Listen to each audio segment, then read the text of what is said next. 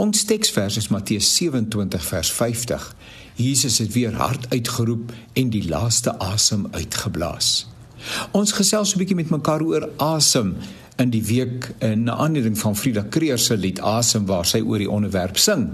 En my soek tog op die internet lei my na nog 'n lied wat met asem te doen het en die lied se naam is Laaste Asem. Ons sê mos toe het hy sy laaste asem uitgeblaas.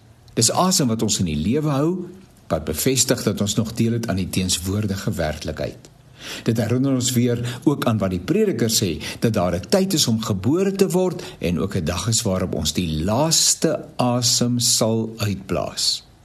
Dis opmerklik dat ons nie weet wanneer ons die laaste asem gaan uitblaas nie.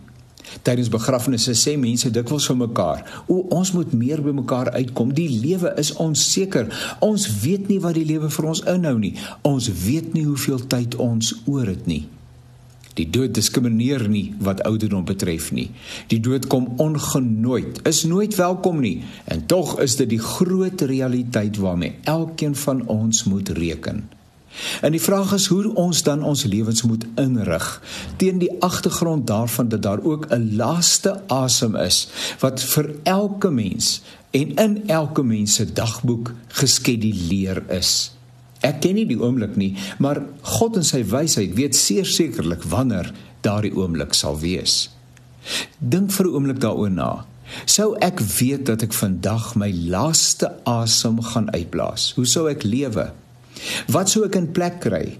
Wat sou ek deurdink en afhandel? Watter woorde sou ek spreek? Vir wie sal ek sê dat ek omgee?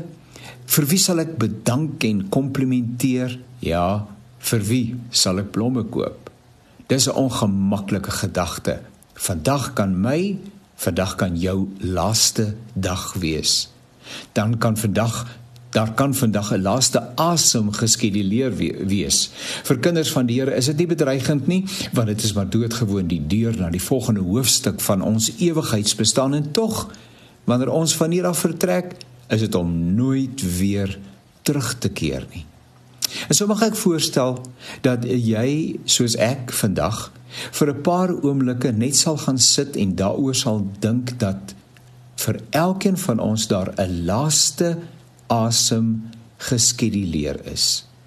En dan die vraag, hoe wil ons leef in die lig van daardie realiteit?